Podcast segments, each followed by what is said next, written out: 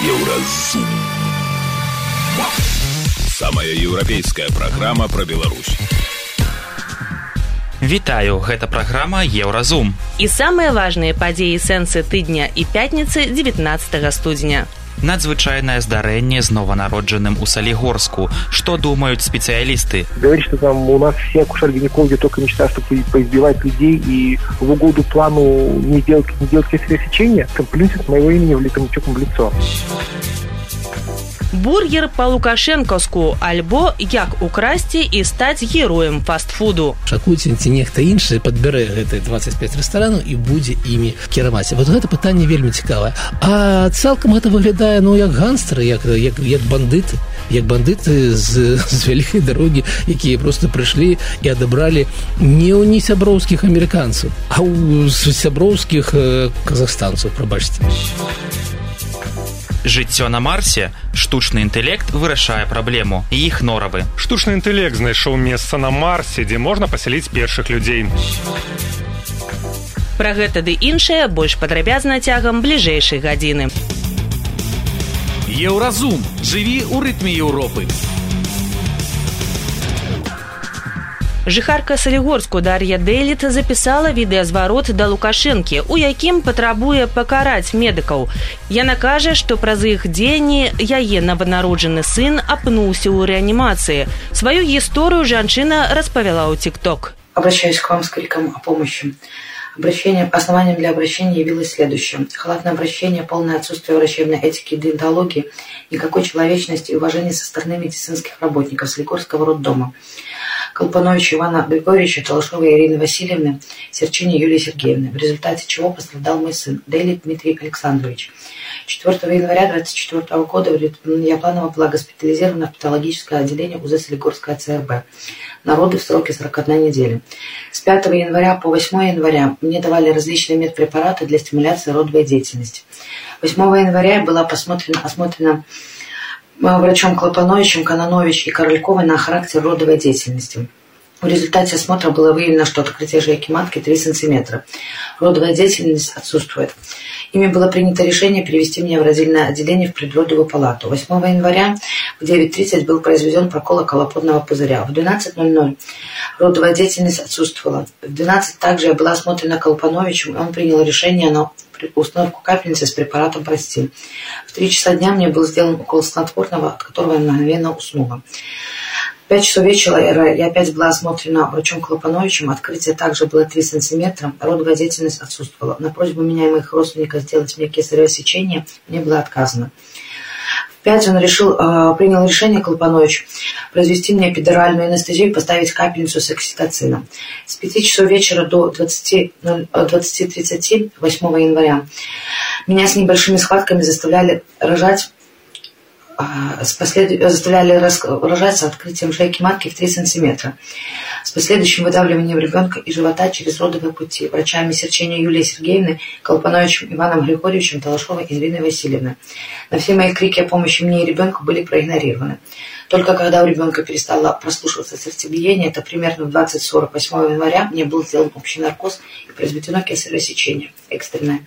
На вопрос медицинским работникам, что случилось с роженицей, моим родственникам, мужу, маме и сестре, было сказано, позвоните маме, то бишь мне роженица, и спросите у нее, что случилось. После, после всего изложенного мой сын получил тяжелейшую степень асфиксии и находится на в отделении детской реанимации города Солигорска, Минской области, на аппарате искусственной вентиляции легких. С последующим диагнозом тяжелая степень асфиксии, кефагеломатома левой теменной кости при родовой травме, отек головного мозга после э, и дыхательная недостаточность третьей степени. После всего вышеизложенного прошу снять записи с камер видеонаблюдения с родовой и предродовой палаты, также наказать виновных на уровне президентской проверки.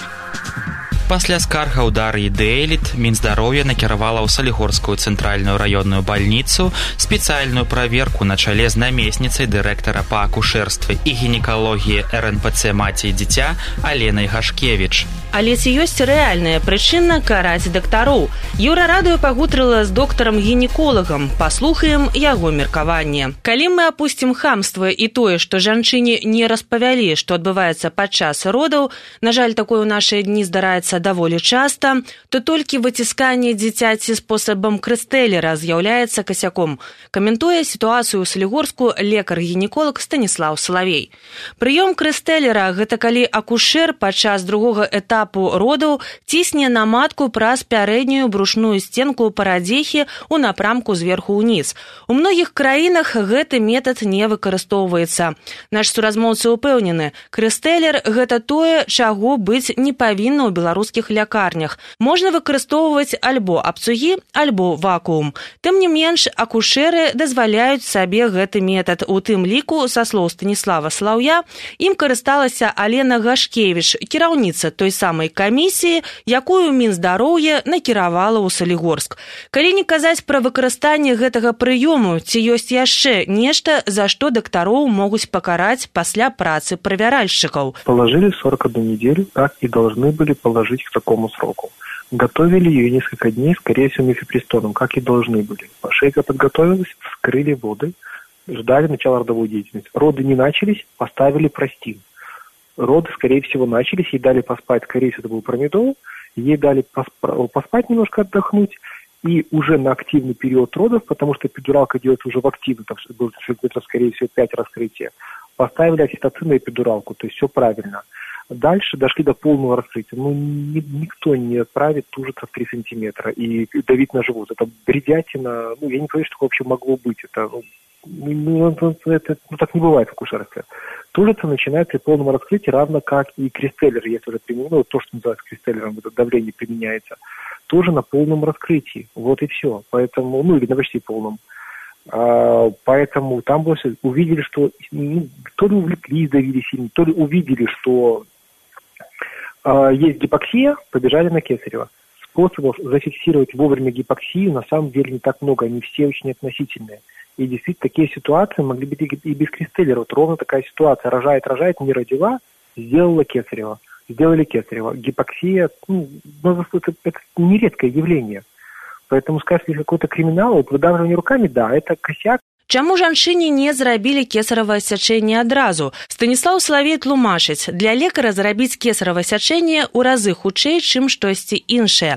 Але САС б'е трывогу, што шансы памерці пры кесаравым альбо пасля яго рэальна ў разы вышэйшыя, чым пры натуральных родах. Даўжэй адбываецца і аднаўленне. Таму казаць, што лекары накасячылі, не робячы кесарава адразу неправільна. Суразмоўца таксама звяртае ўвагу на скаргу жанчыны, маўляў, дактары нешта не расказалі яе сваякам. Увага! Закон пра медычную таямніцу мае на ўвазе падпісаную згоду, каму і што можна казаць. Таму тут магло быць месца парушэнню медыцынскай этыкі. Карацей, акрамя хамства і крыстэлера у гэтай сітуацыі буйных касякоў станіслаў славей не бачыць. Але ці магла парадзіха неяк абараняць сябе падчас родаў, калі адчувала небяспеку. Слухаем лекара. В нашей системе никак. Женщина в родах очень уязвима. Это не пациент, который убирает плановую операцию. Ей постоянно больно, и спорите, ну, время тут на стороне персонала. Поэтому, ну, спорь, ну, кричи о толку. Поэтому защититься в этой ситуации реально невозможно. И от чего защищаться? Я же говорю, тут, когда они видели гипоксию, они полетели в операционную. В плане Кристеллера, ну, вот единственное что. Ну, к сожалению, женщина беззащитна в роддоме. Это вот реальная проблема. Партнерские роды единственное, что немножко страхует. Но, опять-таки, все врачи пытаются, за исключением того, что не, там идет отношение просто, ну, нет не отсутствие эмпатии, в основном все же пытаются помочь человеку родить, если они еще понимают правильным в рамках той системы. Поэтому, ну, чтобы вы это понимали, в Британии, по на 2013 год была статистика, 70% а, страховых выплат за врачебные ошибки и осложнения приходились на акушерство. 70%. Это реально самая экстремальная дисциплина. Осложнения были и есть будут. И врачебные ошибки были и есть будут это халатности быть не должно, когда врачи там забили, игнорировали. Там, вот. Если мы говорили, что ко мне там, не подходил никто там 8 часов, вот это халатность. Ей занимались. Да, по факту это оказалось неправильно, ну, не то, что неправильно, привело к проблемам. А если бы все было хорошо? Вы же понимаете, что это то, что происходит в наших роддомах регулярно. Только в большинстве, почти в львиной доле случаев все хорошо заканчивается, дети живы, здоровы, мамы довольны, все хорошо. И про это все забывается. Працаваць без ускладненняў немагчыма, кажа Станіслаў Салавей. На жаль, няма ніводнай добрай методыкі, якая дазваляе добра кантраляваць стан дзіцяці. Хіба толькі прамое КГ плоду, але гэта можа быць траўматычна. Казаць пра тое, што ў Беларусі ва ўсіх акушэраў і гінеколагаў мара збіваць людзей і ва ўгоду плану не рабіць кесарава сячэнне нельга. Медыкі робяць кесарава налева і направа, але згодна з паказаннямі. Са слоў сура размоўцы ў краіне ёсць праблема нармальнага абязбольвання. А яшчэ праблема што людзям часта не тлумачаць што з імі адбываецца а ты і не разумеюць. Інфармацыйная служба еўрарадыё. Далей у праграме еўразум бургер па лукашэнкаўску альбо як украсці і стаць героем фастфуду. Шакуйце ці нехта іншы падбярэ гэты 25 рэстарану і будзе імі кіраваць вот гэта пытанне вельмі цікавае а цалкам гэта выглядае ну як ганстары як як, як бандыты як бандыты з, з вялікай дарогі якія просто прыйшлі і адабралі не ў не сяброўскіх амерыканцаў а ў сяброўскіх э, казахстанцаў прабачце жыццё на марсе штучны інтэлект вырашае праблему і іх норавы штучны інтэлект знайшоў месца на марсе дзе можна пасяліць першых людзей сустрэнемся пасля навінаў спорту.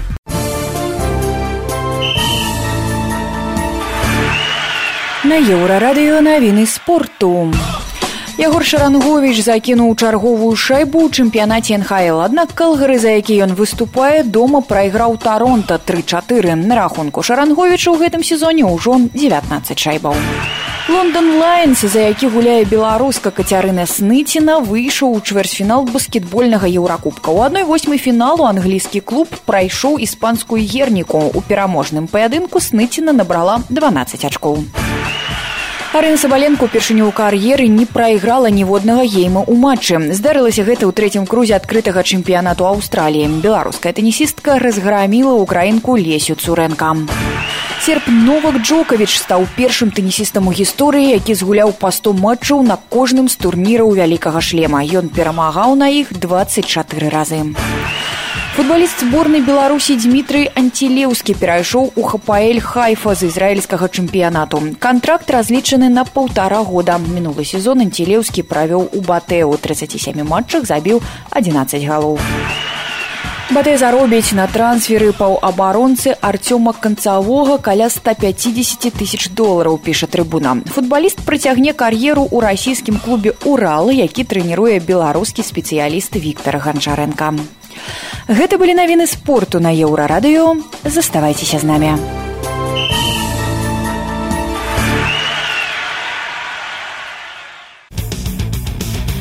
Еўразум жыві ў рытме Еўропы. На пачатку студзеня стала вядома пра нацыяналізацыю былога Макдональдс. Як даведалася еўрарадыё, гэта адбылося яшчэ ў кастрычніку 2023 года. Дзяржаўны камітэт па маёмасці адсудзіў лічыце адціснуў сетку рэстаранаў Макбай у прадпрыемства КСБ Віктарі рэстараны. Цяпер гэта ўласнасць Рэспублікі Беларусь. Яе кошт амаль 4 мільёны долараў. Кантраляваць булачкі ў Макбай Лукашенко даручыў Наталі Эйсмант і віцэ-прэм'еру Снапкову, а яшчэ заявіў, што ёсць бізнесовец, які хоча набыць сетку пасля нацыяналізацыі. Хто менавіта не ўдакладніў, але сказаў, што чалавек надзейны, правераны. Звычайна Лукашенко так і рэкамендуе сваіх гаманцоў і па нашых звестках гэты чалавек тытунёвы алігарх Алексей Алексін што адбываецца з экс-макам? Запыталіся ў бізнесоўца і блогера александра кныровича ну гэта гэта нешта новае. Гэта ўсё ж таки некая нацыяналізацыя по-новаму бо раней наши чыноўнікі так хадзілі кругамі на кніг э, смакталі нешта але да да да двадцатого года яны ўсё ж таки э, намагаліся рабіць нейкі выгляд перед замежнікамі што мы ўсё ж таки некая краіна дзе могуць спакойна інвесторы прыходзіць працаваць і давайте давайте вось у нас кока-кола махду макдональдс вось нас там штадлер нешта іншае. Яны ўсё ж таки рабілі выгляд. І наши гэтыя сілавыя структуры но ўсё ж таки мелі такую мяжу. Вось тут ты тут ты можешь беларус рабаваць беларускі прадпрымальнікаў як ты хочаш але ўсё ж таки да замежнікаў не хадзі не трэба няхай працуюць. І гэта пераход мяжы. Гэта ведаеце ну як в тридцать девятым годзе гэта перашоў пераход а, а, гэтай мяжы. І гэта азначае што цяпер да замежнікаў няма ніякага такого асабістага стаўлення але сама гісторыя сма макам я яна так гісторыя с макам как у нас атрымалася а яна такая яна такая шмат шмат крокавая. І у вас ввогуле вельмі вобразна сёння. Гісторыя с макам ходзяць асабліва на фоне карцінак ага. з глобусам якого мы згадалі ходзяць э, чыноўнікі і нешта абсмактываюць. Ну то конечно так добра. Так пятница пятница да. Так ось ну ведаеце у, у гэтай гісторыі есть шмат шмат шмат крокаў. І першае пока мы вот будзем гаворыць пра сённяшнія крокі я нагадаю что ўжо летак 15 таму мне здаецца лукашенко ўжо крычаў на чыноўнікаў калі ён яшчэ ездзіў да рэзідэнцыі на гэтай на вуліцы карла маркса кожны дзень калі прыпынялі э, гэты рух транспарту каля стэлы каля маркса каб ён праехаў 930 і ён тады уже крычаў на тое а какого хрена? У меня тут напроціў так мяне гэтага мы амерыканшына давайте яе там скасуем і макдональд змагаўся за тое каб его заставілі там на гэтым праспекце незалежнасці. І тады вырашылі тады вырашылі я нагадаю что некім дзяржаўным установам напэўна там было штосьці ад брсм дадуць грошы каб яны э, зрабілі канкурэнтаў. І былі ў нас два канкурэнта. ББ і хаха хуткае харчаванне і беларускае бістро я э, так э, мыслю что вы не памятаеце як на, на тогда праспекце дзяржы праспекце машэрова а ныне гэта праспект пераможцаў з'явілася каб выдалі ім дзяржаўную маёмасць з'явілася как бы некае бістро дзе былі там нейкія дранікі яны все это яны парабілі там ну папрацавалі магчыма год два полтора і так хуценька так это все забыліся гэта звярнули выкінули грошы Я вот не памятаю, то ли было 18 миллионов долларов на это выкинули, то ли, то ли 60 миллионов долларов. Я не помню, какая была сумма в белорусских рублях, не помню курс. На какую велизную сумму, ну, как бы цена целого завода просто выкинули тады и забылись про ее. Ну, забылись и забылись. А Лен Лукашенко не забылся. И он, вот, памятаю, его это Макдональдс все ж таки дергает. Ближе до сегодняшнего дня. Ведаете, у словах лукашэнкі ён як быццам раскулачыў гэты макдональдс амерыканскі так? Але я так думаю што учора у амерыканскім макдональдсе я ж не ведаю дзе штаб-кватэры зараз у амерыцы ці ў канадзе ці дзесьці на вірджынскіх астравах но напэўна там было такое што гэты зам па фінансах званіць да, да гэта да ендыры кажа слыхаў? У нас забралі гэту маёмасць у беларусі. Што будзем рабіць? У нас же тут акцыі рухнуць так далее і гэтага гендырэктара павінен там нешта набраць на гэтым планшеце сказать так у нас же не было ніякай маёмасці ў беларусі у нас же не было ніяк. У макдональдсе не было ніякай маёмасці ў беларусі. гэта франшыза. Гэта франшыза якая належыць казахскому прадпрымальніку. Гэта вельмі цікавы прадпрымальнік караць савітавіч барамбаев які был блізкім да назарбаева які сеў за краты калі назарбаев сышоў прыйшоў такаев. І он сеў за краты за нейкі карупцыйныя э, злачынства в этом самом пры назарбаеве. Ён ну як у нас гэта гэта гісторыя ці з міністрам дрожжы ці з чыжом ён сеў Ён атрымаў весной 23 -го года прысуд 8 гадоў. І хуценька выйшаў на волю. Выйшаў на волю не ў лістападзе таму што ён аддаў там нафтавае гэта месторождение по-беларуску не памятаю. Нафтавую гэта радовішча прабачце прабачце паважаны прабачце вы нафтавае радовішча свой радовішча радовішча за. Нафтавае радовішча гэты гатэлевы нейкі комплекс аддаў грошы амаль 70 мільёнаў долараў. І гэта ўсё аддаў каб выйсці на волю. І мне здаецца што сёння тое што ў яго ў беларусі аджыва адціскаюць гэтую маёмасць яму належыць макбай.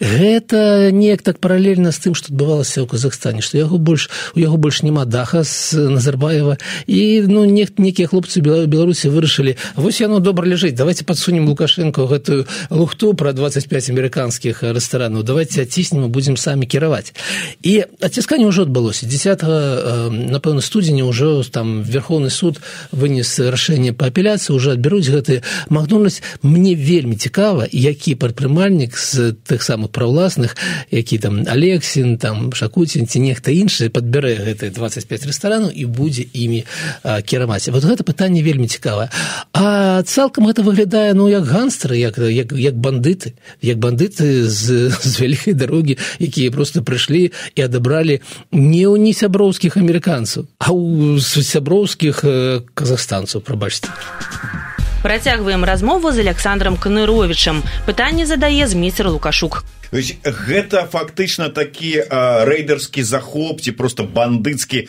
захоп ну такая разовая ну хотя ў беларусі відаць не разовая там же вот это вообще так званые силовики любяць отжимать где-нибудь там булочные там якія-нибудь яшчэ там что-нибудь які невялічкі бізнес сабе на пенсію ці гэта пачатак процессу сапраўды широкой нацыяналізацыі ну вы ведаеце ўжо адбываецца там некалькі крокаў раней бы казаў что ну гэта так ну гэта разовая такое цікавая гісторыя или такая разовая гісторыя но мы бачым як у магілёве у інвестараў забралі солар ленд гэта сонечныя панелі парк рэчыса у іх забралі. Ім змянілі умовы змянілі задным лікам і налічылі штрафаў забралі цалкам бізнес. І зараз гэты брытанскі інвестор будзе судзіцца за рэспублікай беларусь але нічога ён не адсудзі. У міёрах завод забралі у аўстрыйскай кампаніі. Так там беларускія уласнікі але ж все ж таки гэта была аўстрыйская кампанія там лік ідзе на сотні мільёнаў еўра. Вось зараз мак. Далей мы бачым як не далі прадацца лідскаму піва і што адбываецца з лідскім пім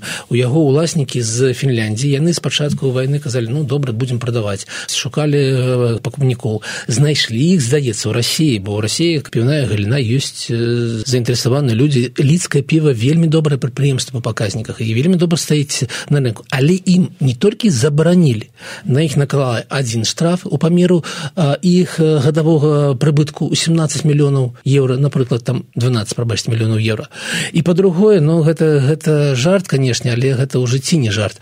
На іх наклалі другі штраф два з половиной мільён мільёнаў спецыяльны фонд як бы прэзідэнта па падтрымцы там гісторыі там мастацтва і так далее. За што у іх на тэрыторыі на вялікай тэрыторыі завода стаяў адзін будынак які лічыўся гістарычнай каштоўнасцю і ён не быў задзействаны задзейнічаны ў гэтым у працэсе вытворчасці піва.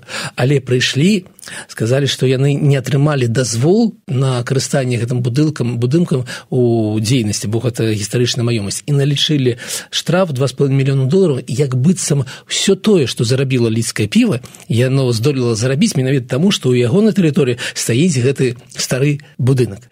І гэта адбываецца не ў кніжке гэтага э, якого-небудзь там кавкі да гэта не не не кіно якому-нибудь лінча ці не ведаю там якіх там гайдае гэта адбываецца ў жыцці ў беларускай рэчаіснасці да даўно перапліную пераплюнулі і і фільмы гайдая і кнігі і кавкі мы, рождены чтоб кавку сделать былі да? да. А, але глядзіце некалькі момантаў. Ага. па-першае ну такі звычайны. Ідзе чалавек па вуліцы і знайшоў 10 рублёў что там зараз у сучаснай беларусі? Яшчэ крымінальны артыкул у плечі ну, конечно. Атрыма атрымаеш за то что ты знайшоў 10 рублёў і паклаў их сабе ў кішэню. Стосотку тут ну калі верыць а, я цытую яны кінулі уласнасць мы яе паднялі прывялі пара ну вот валяецца таксама нешта на зямлі. Кінулі паднялі. Мало того что за гэта нічога няма. Так мы яшчэ гэта і прададзім з прыбыткам. Невядома каму то есть вот как вот ну, это, а вы, як, вы не слушай, я, я, нет я э, каб каментаваць гэтыя словы мы павінны адысці на некалькі там десяткаў гадоў таму і запытацца як у цябе наогул такія думкі ўлезлі галаву што краіна гэта тваё што ты можаш э, жыць не не па законах якія ну якія людзі вырашылі а жыць па паняццях якія існуюць ці ў лесе ці ў гарлеме там некалькі не ведаю десятках гадоў таму і так далей. І як ты можаш лічыць што вось людзі яны такія дурныя што твои гледачы твои ну добра мы тут на еўрараду такія зладзеі з амерыканскіх грошай працуем. Но ёсць жа гледачы там не ведаю онт і што яны так сабот будуць лупаць вачыма і, і казаць ну так яны ж баваляліся вот я помню як была зачынены макдональдс як там горы гуляў ветер як там нічога не прадавалася як людзі былі звольны як на як падаткі не плаціліся ну яны ж не дурныя людзі ж все бачылі што працы макдональдса не спынялася ні секунду што яна заўсёды былі так там была змена в гэтай шыльды была нешта яшчэ адбывалася але ён хлусіць хлусіць у прамым эфірах хлусіць тым хто да яго ставіцца добра які гэта людзі яшчэ засталіся ў краіне і не саромецца. У чалавека паехаў дах паехаў дах даўно некалькі десяткаў гадоў таму. І гэта пытанне ну да дактароў да медыкаў. Слухайте, ну вот навошта вы так гаворыце? Глядзіце я таксама цытую. Разрэзаць булачку на палову упихнуць туды мяса бульбу альбо салату туды не зможам дай думаю праверу можем ці не можем? Бачыце які шматгранны чалавек взял проверыў стаў э, спецыялістам по фастфуду слухайте там калі людзі працуюць макдональдсе яны працуюць ну каб каб яны не там не сышлі з не з'ехалі з глузду яны частку часа працуюць там на кухне частку гэта у гэтым там у зале так? Яны там меня змяняюцца так каб і каб было ўсё ж таки гэта не нелёгкая праца как было там трохі весялей. Я себе уяўляю такі знаете чацвер как бы такі как бы чалавек гэта вось які праверыў да прыходзіць адразу на кухню а потым стаіць за касу і свабодная каса. Вось я себе уяўляю як это ўсё ж таки было а теперь я баяніст а завтра буду гісторыкам ну, я футболіст я все ж таки. А паміж гэтым ён яшчэ ў футбол. Мы эканам... мы эканамічаму навучыцца бегаць на лыжах і страляць вось ну гэта ну ну, ну слухайте калі гаворыць сур'ёзна то канешне макдональдс сам по сябе ну гэта ж не пра булачки і не пра мяса канешне как бы сколькі таких макдональдса сколькі таких у, у, у якой колькасці рэстарану ёсць бургеры ці гэта картопля фрыджы ці кола да вось ва ўсіх. Макдональдс гэта пра вельмі добра налажаны вытворч ну вытворчы напэўна працэс такі па секундах. Макдональдс гэта вельмі добры маркетинг гэта вельмі добрае пападанне ў інтарэсы пакупнікоў і вельмі добрае ўладкаванне гэтых самых памяшэнняў. Макдональдс гэта не пра булкі не пра мяса і не пра колу з бульбай А, давайте, а давайте. у нас есть специалист, пробачьте, это я уже... Ну да, это вы уже как бы тут знаете ли, тут хотите примазаться, показать, что я тоже не лыком шит, а там вон, он, футболист, э, фастфудист и все, что хочешь. У эфіры еўрарадыё быў бізнесовец і блогер Александр Кнырович. Ён распавёў, як выглядае так званая нацыяналізацыя Макдональдсу і ці азначае гэта, што хутка ў Беларусі не застанецца замежнага бізнесу. Еўразум Беларусь у еўрапейскім фокусе. Далее у праграме еўразум. Жыццё на марсе штучны інтэлект вырашае праблему і іх норавы. Штучны інтэлект знайшоў месца на марсе, дзе можна пасяліць першых людзей.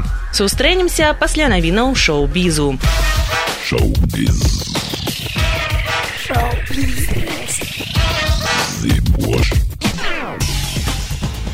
Вітаю гэта навіны шоу-бізу. Снупдог прызнаўся, што ледзь не стаў контент-мейкерам OnlyFans, але своечасова адмовіўся супрацоўнічаць з платформай нават за вялікія грошы. У новым інтэрв'ю адзін з самых вядомых рэпераў ЗША успомніў, як прадстаўнікі OnlyFan звязаліся з ім і зрабілі прывабную прапанову зарабіць на сервісе 100 мільёнаў долараў. Але для гэтага яму прыйшлося б апублікаваць свае нюцы і выцягнуць цытата гэтую штуковіну. Снупдог задумаўся над прапановай прапановы, але адмовіў платформе. Ён зразумеў, што не гатовы да канфлікту з жонкай. Здымкі гістарычнага сіквала гладыятар завершаны. Пра гэта ў сваіх садсетках распавёў акцёр Пол Мэскал, выканаўца ролі пляменніка рымскага імператара камода Луцыя. Мэскал падзяліўся фатаграфіямі з рыдлі скотам у сваіх гісторыях у нстаграм, дадаўшы лаканічны подпіс. Канец. Прэм'ера карціны прызначаная на лістапад 2024. У спявачкі Марыем Ерасіменко выйшла першая пасля ад'езду з Беларусі песня. Сінгл пад назвай вакол цішыня з'явіўся на канале экс-палідзняволенай спявачкі. 16 студзеня дзяўчыну эвакуявалі пры дапамозе фонду Байсол. У жніўні 2022 Марыем затрымалі за песню украінскага гурта Акеан Эльзе, праспяваную ў мінскім бары банкі бутылкі. Артыстку пакаралі трыма гадамі хатняй хіміі за ўдзел у несанкцыянаваных масавых мерапрыемствах. Таксама спявачку дадалі ў спіс экстрэмістаў. Гэта былі навіны шоу-бізу, заставайцеся на хвалях еўрарадыё.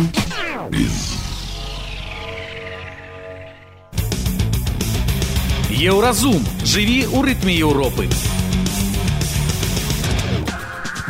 Днямі нямецкая паліцыя затрымала арнольда шварцанегера і ўсё праз яго непрыстойна дарагі швейцарскі гадзіннік дык вось інцыдэнт адбыўся ў аэрапорце мюнхена. Акцёр прыляцеў на акцыён каб прадаць гэты гадзіннік дзеля барацьбы з глобальным пацяпленнем.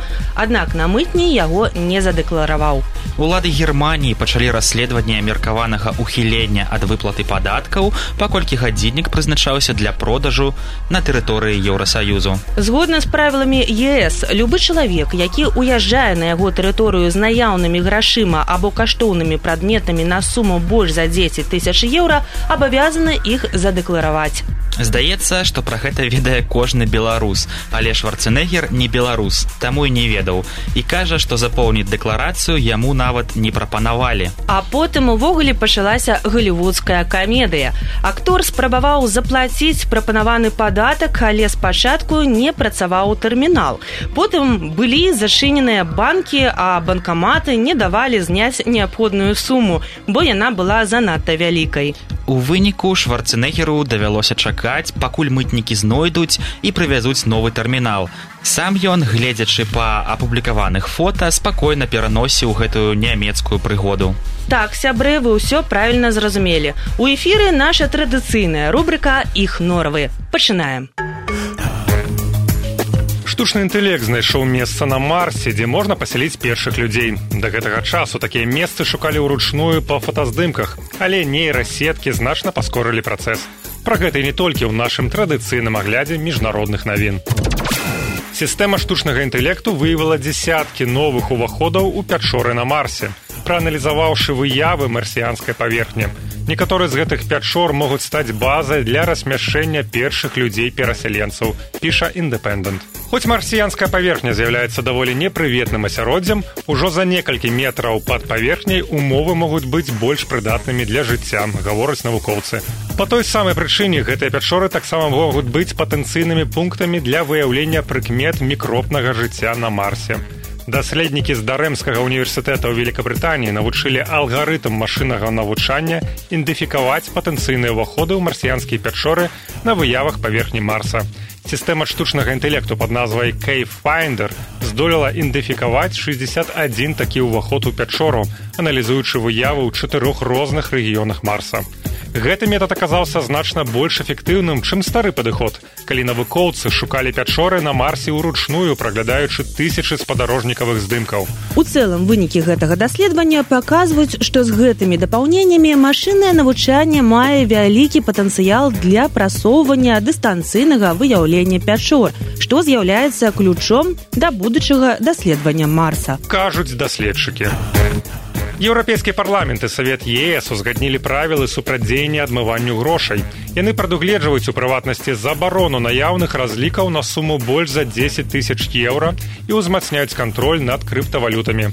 Да таго ж краіны чальцы будуць мець магчымасць уводзіць і больш нізкую максімальную мяжу. Паводле папярэдняй дамовы абавязаныя асобы павінны будуць ідэнтыфікаваць і правяраць асобу, якая здзейсняе плацяжы наяўнымі на суму ад трох до 10 тысяч еўра.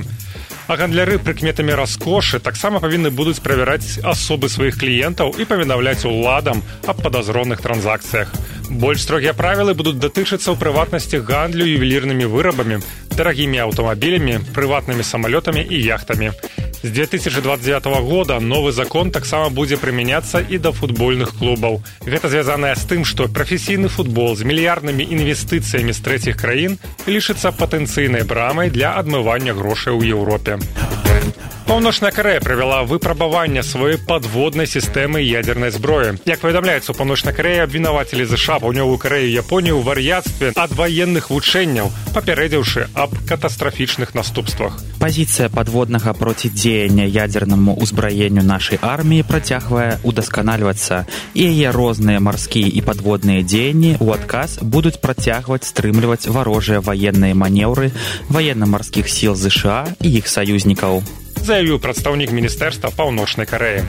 Паводле звестак агенства новая сістэма беспілотнікаў упершыню была выпрабаваная ў сакавіку 2023 года.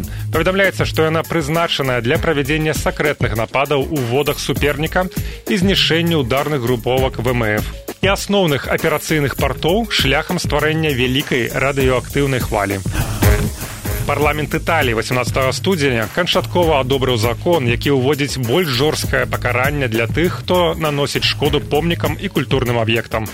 Як піша ройтерс законопроект прадугледжвае штрафы ў памеры ад 40 тысяч еўра для тых хто пашкодзіў помнікі і да 60 тысяч еўра ў выпадку знішэння культурнай спадчыны Цяперашнія штрафы складаюцца ад 1500 до 15 тысяч еўра. Вырушаныя сродкі міністэрства культуры Італія зможа выкарыстоўваць на адчышэнне і рамонт пашкоджаных аб'ектаў. Як азначае выданне, прыняты закон у Італіі празвалі законам аб экавандалах. Яго пачалі актыўна прасоўваць пасля таго, як актывісты эколагі пачалі абліваць фарбай ці іншым чынам псаваць помнікі, гістарычныя будынкі і творы мастацтва. У тым ліку фонтан трэві ў рыме, палаца выкіо ў флоренцыі і оперны тэатр ля скала ў мілане. Мехаселін еўрарадыё. Еўрарадыё кропка FM. Гэта была праграма Еўразум, штодзённы інфармацыйны падкаст Еўрарадыё. Кожны дзень мы распавядаем пра самыя галоўныя навіны Беларусі і свету. А сённяшні выпуск скончаны? Беражыце сябе. Пачуемся.